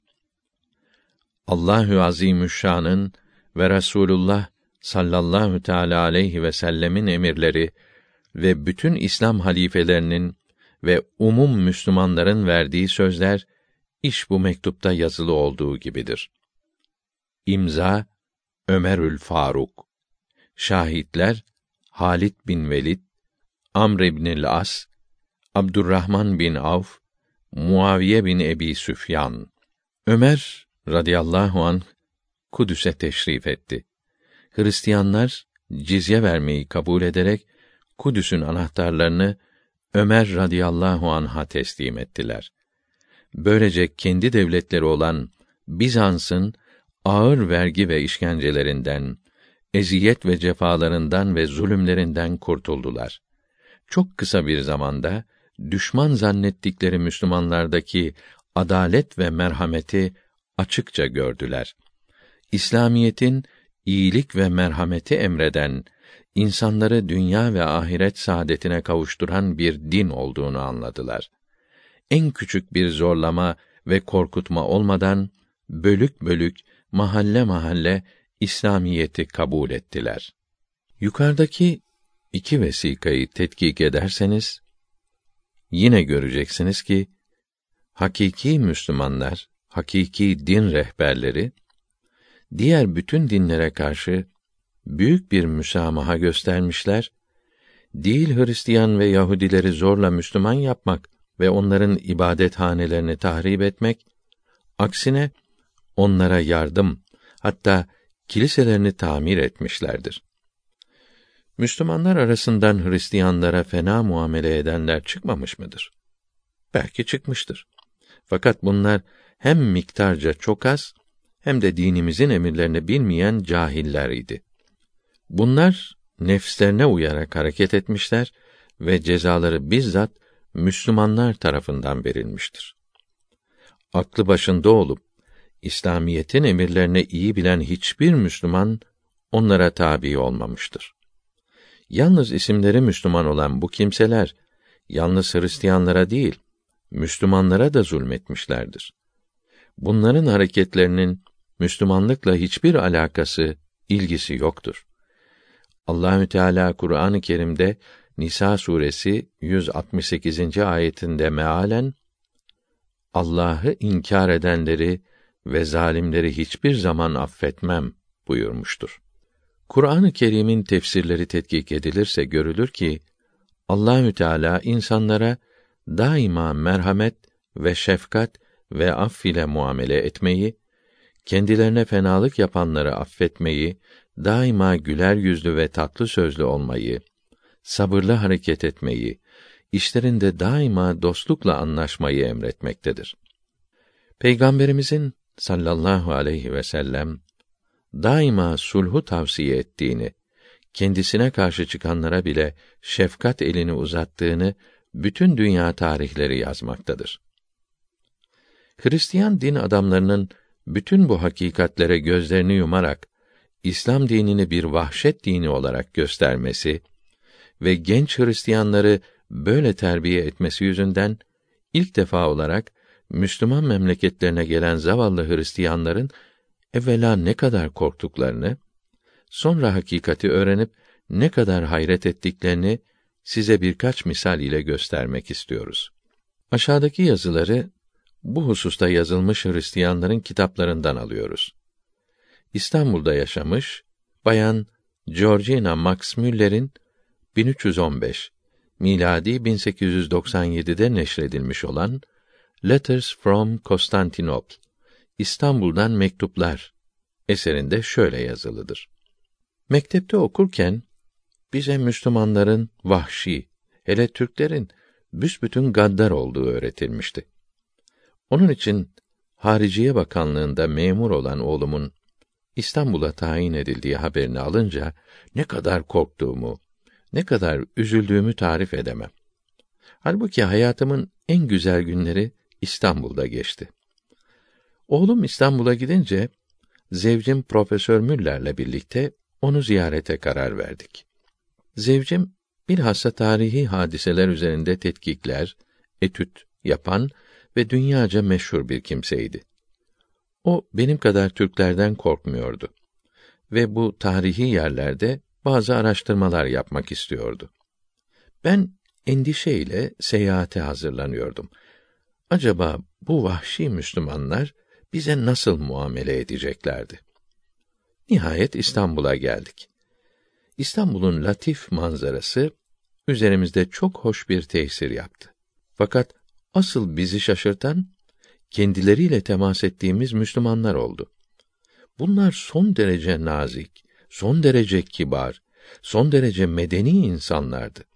İstanbul'un kalabalık sokaklarından geçerken yahut bir camiyi ziyaret ederken veyahut tenha yerlerde terk edilmiş Bizans eserlerini gezerken herhangi bir korku veya tehlike düşüncesi aklımızdan geçmedi. Bütün tesadüf ettiklerimiz bize son derecede dost davrandılar. Daima suhulet gösterdiler. Başka bir dinden olmamız onların üzerinde hiçbir zaman fena bir tesir yapmadı. Onlar diğer dinlere de kendi dinleri kadar hürmet ediyorlardı. Bunları gördükçe bize yanlış bilgi ve terbiye verenlere ne kadar kızıyordu. Bize öğretildiğinin tam aksine onlar İsa aleyhisselam'dan nefret etmiyorlar. Aksine ona da peygamber olarak inanıyorlardı. Bizim ayinlerimize müdahale etmiyor, ibadetlerimizle alay etmiyorlardı. Bize bir insan olarak hürmet ediyorlar, bizim Müslümanları şeytana uymuş Allahsızlar olarak görmemize mukabil onlar dinimize karşı en ufak bir fena kelime bile kullanmıyorlardı. Bize öğretilen Müslümanlık ile medeniyet cem olamaz lafı küçük bir hakikat çekirdeğinin çok şişirilmesi yüzünden meydana gelmiş olacak. Bu hakikat çekirdeği Müslümanların kendi adet ve örflerine çok sadık olmaları ve onun için Gartlıların medeniyet zannettikleri bazı kötü adetleri kendi İslam örf ve adetlerine uymadığı için kabul etmemeleridir. Halbuki dikkat ile mülahaza edilecek, düşünülecek olursa bunlar ehemmiyetsiz şeylerdir ve hakiki medeniyetle hiçbir alakaları yoktur. Türkler adetlerine ve Müslümanlığın güzel ahlakına son derecede sadıktır. Günlük hayatlarını tanzim ederlerken daima bunlara riayet ederler. Türkler bence en iyi Müslümanlardır. İran'da, Arabistan'da tanıdığım Müslümanlarla kıyas ettiğim zaman Türklerin çok daha hakiki Müslüman olduklarını gördüm. Türklerin nasıl kalpten gelen bir samimiyetle Müslümanlık vazifelerini ifa ettiklerini görmek insana büyük bir zevk veriyor ve insanı onlara daha çok yaklaştırıyor. Onlara karşı muhabbet ve hürmet hasıl oluyor. Sokaklarda, bahçelerde, çarşılarda, dükkanlarda halkın asker, hammal, hatta dilenci olsun nasıl diz çöküp secdeye kapandığını veya ellerini ileri uzatarak dua ettiğini görebilirsiniz. Fakat bütün bunlar gösteriş için yapılmaz. İmanı halis olan Müslüman kısa süren ibadet vazifesini tamamladıktan sonra tekrar işinin başına döner. Müslüman Kur'an-ı Kerim'de yazılı olan ahlak esaslarına tam bağlıdır. Fakat şunu unutmayalım ki güzel ahlak esasları on üç buçuk asırdan beri hiç bozulmadan devam etmiştir. Bugün bir Avrupa başşehrinde bunların çoğu bilinmemektedir. İşte bugün Müslümanları medeniyet düşmanı olarak gösteren husus Avrupalıların Muhammed aleyhisselam'ın koymuş olduğu güzel ahlak esaslarını bilmemesinden ileri gelmektedir. Halbuki bu büyük peygamberin sallallahu teala aleyhi ve sellem ben bir insandan başka bir şey değilim. Size Allah'ın bir emrini bildirdiğim zaman onu hemen kabul edin. Fakat dünya işleri hakkında kendiliğimden bir şey söylersem bu Allah'ın emri değildir. Bunu ben insan olarak söylerim dediğini işitmemişe benziyorlar. Fen bilgileri Muhammed aleyhisselam'ın zamanından bu zamana kadar çok değişmiştir. O zaman yapılanların sonradan hasıl olan şartlara göre değiştirilmesini İslam dini emretmektedir. Eğer bunlar bugünün icaplarına göre yapılacak olursa İslam dinine hiçbir halel gelmeyecek, aksine onun medeni bir din olduğu meydana çıkacaktır. Türkler diğer din mensuplarına karşı gösterdikleri nezaketi o kadar ileri götürmüşlerdir ki bugün devletin birçok fen ve tekniğe ait iş yerlerinde Hristiyanlar bulunmaktadır. O halde niçin din bilgileriyle fen bilgilerini birbirinden ayırmıyoruz? Mamafih unutmayalım ki Garp'ta din ve fen işleri sonradan birbirinden ayrılmış, Hristiyan papazlarını dini siyasete alet etmekten güçlükle uzaklaştırabilmişlerdir. Hristiyanlarda dini dünya menfaatlerine alet etmenin zararlarını anlamak kolay olmamıştır. Evet, Allahü Teala'nın emirlerinde tahrifat yapılamaz. İbadetler adalet ve ahlak üzerinde peygamberlerin bildirdikleri esasların devam etmesi lazımdır. Mesela İskoçya Kilisesi kilisede org çalınmasının günah olduğunu bildirmiş ve kilisesine orgu kabul edenlerin cehenneme gideceğini ilan etmiştir. Kilisenin bu hareketi dünya işlerinde kullanılan fen veya zevk aletlerinin din işlerine karıştırılmasının doğru olmadığını göstermektedir. Osmanlı Devleti'nde de tıpkı Avrupa'da olduğu gibi bazı cahiller fende ve adette olan yeniliklere karşı çıkmışlar, fen üzerindeki her yeniliği şeytan işi diye reddederek İslam dinine iftira etmişlerdir. Zamanla Müslümanlar kendilerini muhakkak bu cahil yobazlardan kurtaracaklardır diyen Bayan Georgina yazısına şöyle devam etmektedir. Avrupalılar Türkleri zalim ve gaddar olarak kabul eder. Fakat onların gaddarlığı hakkında zikredilen hikayelerin menbaı hep orta çağa aittir. Elimizi kalbimiz üzerine koyarak insaf ile şunu itiraf edelim. Acaba Avrupalılar orta çağda gaddarlık yapmamışlar mıdır? Bana kalırsa biz Avrupalılar o zamanlar çok zalimdik. Bizim tarihimiz zulm ve işkencelerle doludur. Halbuki Kur'an-ı Kerim'de harplerde dahi esirlere merhamet edilmesi, din adamı, ihtiyar, kadın ve çocuklara hiç dokunulmaması emrolunmaktadır. Kur'an-ı Kerim'in bu emirlerine uymayan Müslüman kumandanları çıkmışsa, bunlar Kur'an-ı Kerim okuyamamış ve din bilgilerini cahil din adamlarından öğrenmiş olan kimselerdir. Kur'an-ı Kerim'in her lisana tercüme ve tefsir edilmesi çok yerinde olacaktır. Fakat zannediyorum ki bunun için daha zaman lazımdır. Çünkü bütün Müslüman memleketlerinde Arabiden başka bir dili din işlerinde kullanmak günah sayılmaktadır. Bundan birkaç sene evvel Hindistan'da Madras'ta bir Müslüman camide Kur'an-ı Kerim'den birkaç ayeti Arapça yerine Hintçe okuduğu için lanet edilmişti. Çünkü bu Kur'an-ı Kerim'in manasını bildirmek için değil, Kur'an olarak okunmuştu. Kur'an-ı Kerim çok medeni ve mantıki bir din kitabıdır. Bazı Müslümanlar Kur'an-ı Kerim'i bilmemekte, yobazların elinde oyuncak olmakta, onların saçma akidelerini, fikirlerini, inançlarını kabul etmeye mecbur kalmaktadırlar. Halbuki Kur'an-ı Kerim'i tetkik eden İslam alimleri dinlerinin ne kadar faydalı bir din olduğunu, bazı yerlerde telkin edilen bozuk fikirlerin Kur'an-ı Kerim'e hiç uymadığını görmektedir. Ben size açıkça söylüyorum ki Müslümanlık ve Hristiyanlık gibi bütün ana hatları birbirinin aynı olan iki din daha yoktur. Bu iki din birbirinin kardeşidir. Aynı babanın iki evladı gibidir. Aynı ruhtan mülhemdir demektedir. Bu mektubu yazan madam çocuk iken işittiği iftiraların tesiri altında kalarak böyle söylemekte ve zannetmektedir. İşin aslı ise bunun tamamen aksidir. Kur'an-ı Kerim birçok lisana tercüme edilmiş ve tefsirleri yapılmıştır. Ancak bu tefsirleri ve tercümeleri Kur'an-ı Kerim zannetmek ve ibadette, namazda okumak yanlıştır. Yukarıdaki mektup birçok hakikatleri meydana koymaktadır. İslamiyet Kur'an-ı Kerim'in başka dillere tefsirini, açıklanmasını asla men etmemiştir. İslamiyet Kur'an-ı Kerim'in gerek gizli maksatlarla, hain emellerle, gerekse bilmeyerek değil başka dillere Arabiye bile yanlış ve bozuk olarak tercüme edilmesini yasak etmiştir.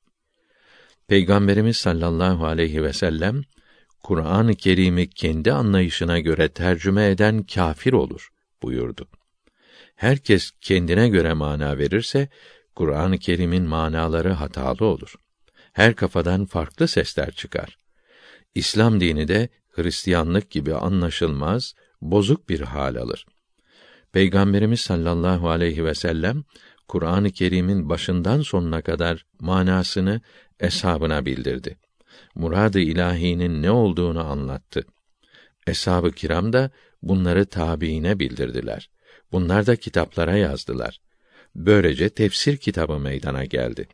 Birçok Farisi ve Türkçe tefsir kitabı ve binlerce din kitabı basılmıştır. Farisi tefsirlerden birisi meşhur Mevahib-i Aliye tefsiridir. Bu tefsiri Hüseyin Vaiz Kâşifi rahimehullahü teala dipnot 1 Hüseyin Vaiz 910 miladi 1505'te Hirat'ta vefat etti. Hirat şehrinde bu Hristiyan madam dünyaya gelmeden üç buçuk asır evvel yazmıştır. Osmanlı sultanları ve alimleri bu tefsirin çok kıymetli olduğunu bildirmişler, Türkçeye tercüme ederek Mevakip tefsiri ismini vermişlerdir. Madras'ta, camide lanet olunan kimse, İslam dinini bozmak isteyen bir zındık, bir İslam düşmanıydı. Kur'an-ı Kerim'e yanlış, bozuk mana verdiği için lanet olunmuştur. Ona lanet edenler Farisi ve Hint dilinde kitaplar yazmış olan büyük İslam alimleriydi. Şimdi diğer bir yabancı kadının bu hususta neler düşündüğünü inceleyelim. Aşağıdaki satırlar 1881 ile 1907 1325 seneleri arasında İstanbul'da yaşamış olan İngiliz bayan Dorina L. Newman'ın 26 Years on the Bosphorus Boğaz içinde 26 yıl ismindeki eserinden alınmıştır. Bayan Nieve Müslümanların kibarlığından, diğer din mensuplarına karşı gösterdikleri nezaketten bahsettikten sonra kendisine göre İslam dininde gördüğü bazı noktalara temas ediyor ve bunlardan şikayet ediyor. Şimdi onun yazdıklarını okuyunuz. Burada Muharrem ayini diye bir Müslüman merasimi var. Bu kadar sene İstanbul'da kalmama rağmen ben bu merasimi görmeye gitmedim. Çünkü gidenlerin anlattıklarına göre bu Müslüman merasimi çok feci, çok vahşiymiş. İnsanlar yarı beline kadar çıplak olarak oraya geliyor, ya Hasan, ya Hüseyin diye bağırarak ellerinde bulunan zincirleri vücutlarına şiddet ile vurmakta ve kan revan içinde kalmaktaymışlar. Bayan Növe, dostlarının iştirak ettiği bir rıfai ayini hakkında da şunları yazıyor. Dostlarımın anlattığına göre feryat eden dervişler yani rıfailer bele kadar çıplak bir halde sıraya girmişler. Yüksek sada ile şahadet getiriyor, aynı zamanda yavaş yavaş öne arkaya doğru sallanıyorlarmış. Ondan sonra hareketlerini gittikçe hızlandırarak bir yandan da korkunç çığlıklar ve naralar atarak adeta bir nev vecde gelerek veya sar'a nöbetine kapılarak kendilerini kaybedinceye kadar havalarda sıçrayıp duruyorlarmış. Ellerindeki bıçakları vücutlarına saplıyorlarmış. Aralarında kan içinde kalıp yere yuvarlananlar da varmış. Bu haldeyken onların tam mübarek ve kutsi bir hale geldiğini kabul eden Türk kadınları evlerinden getirdikleri hasta çocuklarını iyileşsin diye onların ayakları altına koyuyormuş. Çünkü eğer bu rıfailer bu haldeyken çocukları çiğnerlerse onların bütün hastalıklardan kurtulacaklarına inanıyorlarmış. Zannediyorum ki bu çıldırmış adamların küçük çocukların vücutlarına basarak yaptıkları tedavi muhakkak onları öldürmekte ve böylece bütün hastalıklardan kurtarmaktadır. Nasıl oluyor da böyle şeylere inanıyorlar? Bu rıfailerin tekkelerinde bağırmaları, tekkenin içini kaplayan fena sarımsak ve nefes kokusu buraya girenlerin midelerini bulandırıyormuş. Bana bunları anlatan dostlarım, bu hareketler bize Kuruni Usta vahşetlerini hatırlattı. Bu kadar iptidai adetleri hiçbir yerde görmedik. Bu mahuf, dehşetli manzara karşısında hasta olduk dediler. Şimdi bu iki yazıyı biraz daha tetkik edelim. Bayan Müller yazdıklarında haklıdır. İslam dinini oldukça iyi tetkik etmiştir. Bayan Növe ise tamamen hata etmektedir. İslam diniyle hiçbir alakası olmayan cahillerin ortaya çıkardıkları Muharrem ayini ile yine İslam diniyle hiçbir alakası bulunmayan Rıfai ayinini İslam dininin esaslarından zannetmiş, bu dinin vahşi ve iptidai olduğu kararına varmıştır. Bu ayinleri Seyyid Ahmet Rıfai Hazretlerinden dipnot 1 Seyyid Ahmet Rıfai 578 miladi 1183'te Mısır'da vefat etti. Sonra din cahilleri uydurmuşlardır. Bir İslam memleketinde senelerce oturduğu halde yüzlerce medresede okutulan fen ve din derslerini ve camilerde yüz binlerce Müslümanın abdest alarak tam bir beden ve kalp temizliğiyle büyük bir huşu ve nizam içinde kıldıkları namazları görmeyerek kulaktan duyduğu bir şeyin aslını dahi tahkik etmeden İslam dinini tahkir etmek birçok Avrupalıların yaptığı hatalı iştir. Bunun da sebebi koyu bir Hristiyanlık taassubu ve İslam düşmanlığıdır. Bayan Georgina Müller'in teklif ettiği Kur'an tercümesi ve dinin dünya çıkarlarına alet edilmemesi hakiki din alimlerinde ve bunlara tabi olan hükümetlerde her zaman tahakkuk etmiştir. Peygamberimizin sallallahu aleyhi ve sellem haber vermiş olduğu 72 çeşit bozuk fırkadaki kimselerin ve İslam dinini içerden yıkan bölücü tarikatçıların uydurma ayinleri de ehli sünnet alimlerinin rahimehumullahü teala kitapları sayesinde İslam dininden uzaklaştırılmıştır. Bu büyük alimler Muharrem merasiminin ve Rıfai denilen tarikatçıların uydurma ayinlerinin İslam diniyle hiçbir alakası olmadığını bütün dünyaya bildirmişlerdir. Böyle ayinler İslam devletlerince men yasak edilmiştir. Bunlar Fetavai Hadisiyye'de ve mektubatın 266. mektubu sonunda ve Hadika ve Berika'da bildirilmiş haram olduklarına fetva verilmiştir. Müslümanlık oyun, müzik, sihirbazlık, hokkabazlık yapmak değildir. Osmanlı Devleti'nin Şeyhül İslamlarından büyük alim Ahmet İbni Kemal Efendi rahimehullahü teala dipnot 1 Ahmet İbni Kemal 940 miladi 1534'te vefat etti. El Münire kitabında diyor ki: Şeyhe ve müride ilk lazım olan şey İslamiyete uymaktır. İslamiyet Allahü Teala'nın emr ve yasak ettiği şeyler demektir. Peygamberimiz sallallahu aleyhi ve sellem buyurdu ki: Bir kimsenin havada uçtuğunu ve deniz üzerinde yürüdüğünü yahut ağzına ateş koyup yuttuğunu görseniz fakat sözleri ve işleri İslamiyete uygun olmazsa onun büyücü, yalancı, sapık ve insanları doğru yoldan saptırıcı olduğunu biliniz. Ehli sünnet alimlerinin rahimehumullahü teala bildirdiği hakiki İslam dini bütün hurafelerden uzak, aklı selime muafık bir dindir. İslamiyette ilahi kitap Kur'an-ı Kerim'dir. Kur'an-ı Kerim'de yalnız Allahü Teala'ya ibadet vardır ve bu ibadet şekilleri de onun tarafından bildirilmiş olup en kibar, en vakarlı, en sıhhi ve ubudiyete, kulluğa en münasip şekillerdir. Kur'an-ı Kerim'de bildirildiğine göre bütün Müslümanlar Allahü Teala'nın indinde müsavidir, eşittir. Müslümanın Müslüman üzerine üstünlüğü ancak ilm ve takva iledir. Takva Allahü Teala'dan korkmak demektir. Kur'an-ı Kerim'de Hücurat suresi 13. ayetinde mealen Allahü Teala'nın indinde en kıymetli, en üstününüz ondan en çok korkanınızdır buyurulmuştur.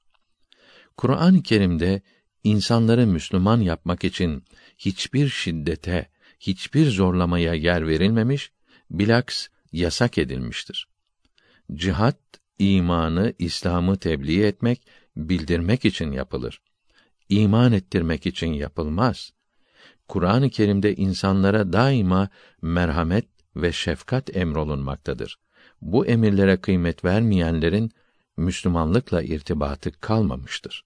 Bugünkü kitab-ı mukaddeste hala Allahü Teala'nın emirlerinden kalmış parçalar vardır. Bu kısımlar Kur'an-ı Kerim gibi insanlara şefkati, merhameti emretmektedir. İslam alimleri Tevrat ve İncil'de bulunan ve İslam dinine uygun olan kısımların Allahü Teala'nın kelamı olduğunu kabul etmektedirler. Nasraniyet esasında bir Allah'a imanı emreden bir din idi. Teslis denilen üç tanrı fikri Yahudilerin Nasraniyeti yıkma faaliyetlerinden ve yanlış tefsirden ileri gelmiştir. İsa aleyhisselam sağ yanağınıza tokat atan kimseye sol yanağınızı da çevirin demekte kendisine zulm ve eziyet yapanlar için Allah'ım onların günahlarını affet. Çünkü onlar ne yaptıklarını bilmiyorlar diye yalvarmaktadır. Peki her iki din de şefkatten ve merhametten bahsederken her iki din de sabr, hüsnü zan esası üzerine kurulmuşken niçin asırlarca birbirine karşı bu kadar nefret ve gaddarlık hasıl olmuş? Bu gaddarlıkları ve zulmleri yalnız Hristiyanlar yapmışlardır. Bunu kendileri de itiraf etmektedirler. Yukarıda bildirilen korkunç hadiseler Hristiyan papazların ve Hristiyan tarihçilerin eserlerinden alınmıştır. Eğer bu bilgileri İslam alimlerinin eserlerinden almış olsaydık belki şüpheye sebep olabilirdi. Müslümanlara karşı yapılan bu vahşet, bu zulm ne kadar devam etti? Bunu Engizisyon mahkemelerinin ne kadar devam ettiğini ecnemi menbaalardan meydana çıkaralım. Avrupa menbaalarına göre Engizisyon mahkemeleri 578 miladi 1183'ten 1222 miladi 1807 senesine kadar tam altı asır devam etmiş. İtalya, İspanya ve Fransa'da kurulan bu korkunç mahkemelerde sayısız insanlar ya din uğruna ya da papazların maddi menfaatleri uğruna veya yeni fikirler ortaya koyduğu için haksız yere öldürülmüş yahut diri diri yakılmış veya muhtelif işkencelerle telef edilmiştir. İspanya'daki Yahudilerle Müslümanlar tamamen imha edilinceye kadar bu mahkemelerde sürünmüşler, oğlunu bile bu mahkemelerde idama mahkum ettiren İspanya kralı 5. Ferdinand dipnot 1 Ferdinand 922 miladi 1516'da öldü. İspanya'da artık ne Müslüman ne de dinsiz kaldı diye iftihar etmiştir. Engizisyon mahkemeleri yalnız diğer dinlerden olanları değil, bütün münevverleri yok ediyor, fennin ve ilmin ortaya koyduğu yenilikleri günah sayıyordu. Dünyanın küre şeklinde yuvarlak olduğunu ve döndüğünü Müslümanlardan öğrenerek Avrupalılara nakleden Galile bile bu beyanatından dolayı Engizisyon mahkemesine sevk edilmiş ancak sözünü resmen geri alarak halas olabilmiş, kurtulabilmişti. Bu Engizisyon mahkemelerini papazlar idare ediyor, bütün muamelat gizli yapılıyor, içtimaları, muhakeme heyeti toplantıları kapalı cereyan ediyordu. Engizisyon mahkemeleri insanlık tarihinin lekesi, Hristiyanlığın yüz karasıdır. İspanya'da Engizisyonu Napolyon Bonaparte 1222 miladi 1807 senesinde birçok müşkülat ile kaldırmış, onun düşmesinden sonra tekrar canlanan bu vahşet ancak 1250 miladi 1834'te tarihe karışmıştır. Adedi pek fazla olan Engizisyon mahkemelerinin kaç kişiyi ölüme mahkum ettiği kat'î olarak malum değil ise de milyonlara aştığı muhakkaktır. Çünkü yalnız İspanya'da küçük bir Engizisyon mahkemesinin 28 bin kişiyi ölüme mahkum ettiğini söylersek, adedi pek fazla olan bu mahkemelerin kaç kişiyi idam ettiği düşünülebilir. Harputlu İshak Efendi rahimehullahü teala Diyaül Kulub kitabında Hristiyanların Müslüman ve Yahudilere, Katoliklerin de Protestanlara ve Protestanların Katoliklere din için yaptıkları tecavüzlerin, zulmlerin ve katliamların bir hesabını çıkartmıştır. Buna göre Haçlı seferlerinde İmparator Teofil ve eşi Teodora zamanlarında yapılan Hristiyan olmayanları imha, öldürme savaşında Papa 7. Georgios tarafından verilen emr üzerine yapılan toplu idamlarda 14. asırda insanları zorla Hristiyan yapmak için girişilen toplu öldürmelerde Endülüs devletinde bulunan Müslüman ve Yahudilerin imha edilmesinde, Katoliklerin Sen Bartelmi gecesinde ve ondan sonra İrlanda'da yaptıkları protestanları yok etmek cinayetlerinde İngiliz kraliçesi Elizabeth'in Katolikleri katlettirmesinde ve buna benzer vahşetlerde asgari 25 milyon insanın hayatını kaybettiğini Hristiyan tarihçiler yazmaktadır.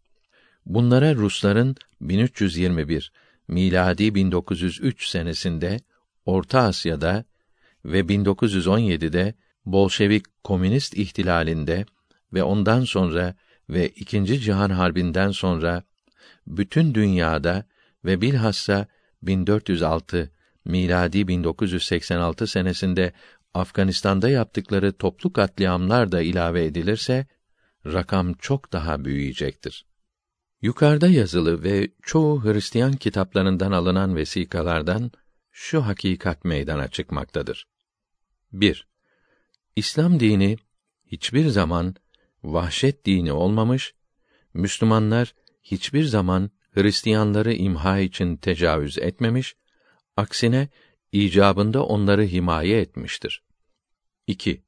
Buna mukabil Hristiyanlar birbirlerini Müslüman ve Yahudilere ve farklı mezhebe mensup dindaşlarına karşı tahrik etmiş, onları muhtelif mezalime tabi tutmuş, her vahşeti yapmış, İsa aleyhisselam'ın dinini bir vahşet dinine çevirmişlerdir. Bu gibi vahşetleri idare edenler kendi şahsi menfaatleri, çıkarları için veya memleketlerine iyilik yaptıklarını zannederek yahut yağma yapmak için veya kin ve intikam hissiyle kısaca din ile hiçbir alakası olmayan sebeplerden veya sırf din için masum insanların canına kıymışlardır. Din tertemiz ahlak sahibi olmayı emreden, sırf merhamet, muhabbet ve büyüklere itaat, küçüklere şefkat emreden, insanları doğru yola götüren, şahsi menfaatler için kullanılması en büyük günah olan Allahü Teala'nın razı olduğu yoldur. Dini siyasete, politikaya alet etmek yahut başka zararlı maksatlar ve menfaatler için kullanmak bir takım cahilleri din ismi altında tahrik etmek çok büyük bir günahtır. Gafur ve Rahim olan Allahü Teala en çok bu masiyeti zemmetmekte, kötülemektedir. Müslümanları öldürtmek için kendi mukaddes kitabının emrine karşı çıkıp insan toplayan bir papa, bir kardinal din adamı sayılır mı? Din elden gidiyor diye Müslümanları kendi padişahları veya devlet adamları aleyhine kışkırtan yobazların İslamiyet ile ne alakası vardır? Elhamdülillah ki bugün artık din ve fen yobazlarının arkasından koşacak cahiller, ahmaklar pek kalmamıştır. Bugün Hristiyan gençleriyle Müslüman gençleri birbirlerinin dilini öğrenmekte, süratli nakil vasıtaları, araçları sayesinde kolayca birbirlerinin memleketlerine giderek birbirleriyle tanışmakta ve anlaşmaktadır. Şimdi Hristiyanlar da Müslümanlığın vahşi bir din olmadığını görmekte, aslında iki dinin de aynı esasları emrettiğini anlamaktadırlar. Bugün birçok Hristiyanlar tarihte okudukları Hristiyan zulümlerinden dolayı çok müteessir olduklarını, artık kendilerinin böyle düşünmediklerini, aksine İslam dinini en medeni din ve hakiki Müslümanları da kamil, medeni, güzel ahlaklı, sevimli insan olarak tanıdıklarını bildirmektedirler. Hatta bunun aksini iddia edenlere gereken cevabı kendileri vermektedirler. Dua edelim ki artık bundan sonra insanlar din olarak İslam dinini tanısınlar ve onu şahsi ve adi maksatlar için kullananlarla ve onu öğrenmeye mani olanlarla mücadele ederek onların pençelerine düşmüş olan esir milletleri, işkenceleri altında inleyen zavallı insanları hürriyete, insan haklarına kavuşturmak için çalışsınlar. Allahü Teala bütün insanlara kendi indinde yegane hak din olan İslamiyet ile şereflenmeyi ve ona tam tabi olmayı nasip eylesin. Amin. Huda Rabbim, Nebim Hakka Muhammed'dir Resulullah. Hem İslam dinidir dinim, kitabımdır kelamullah. Akaidde ehli sünnet oldu mezhebim, hamdolsun. Amelde Ebu Hanife mezhebi, mezhebim vallah.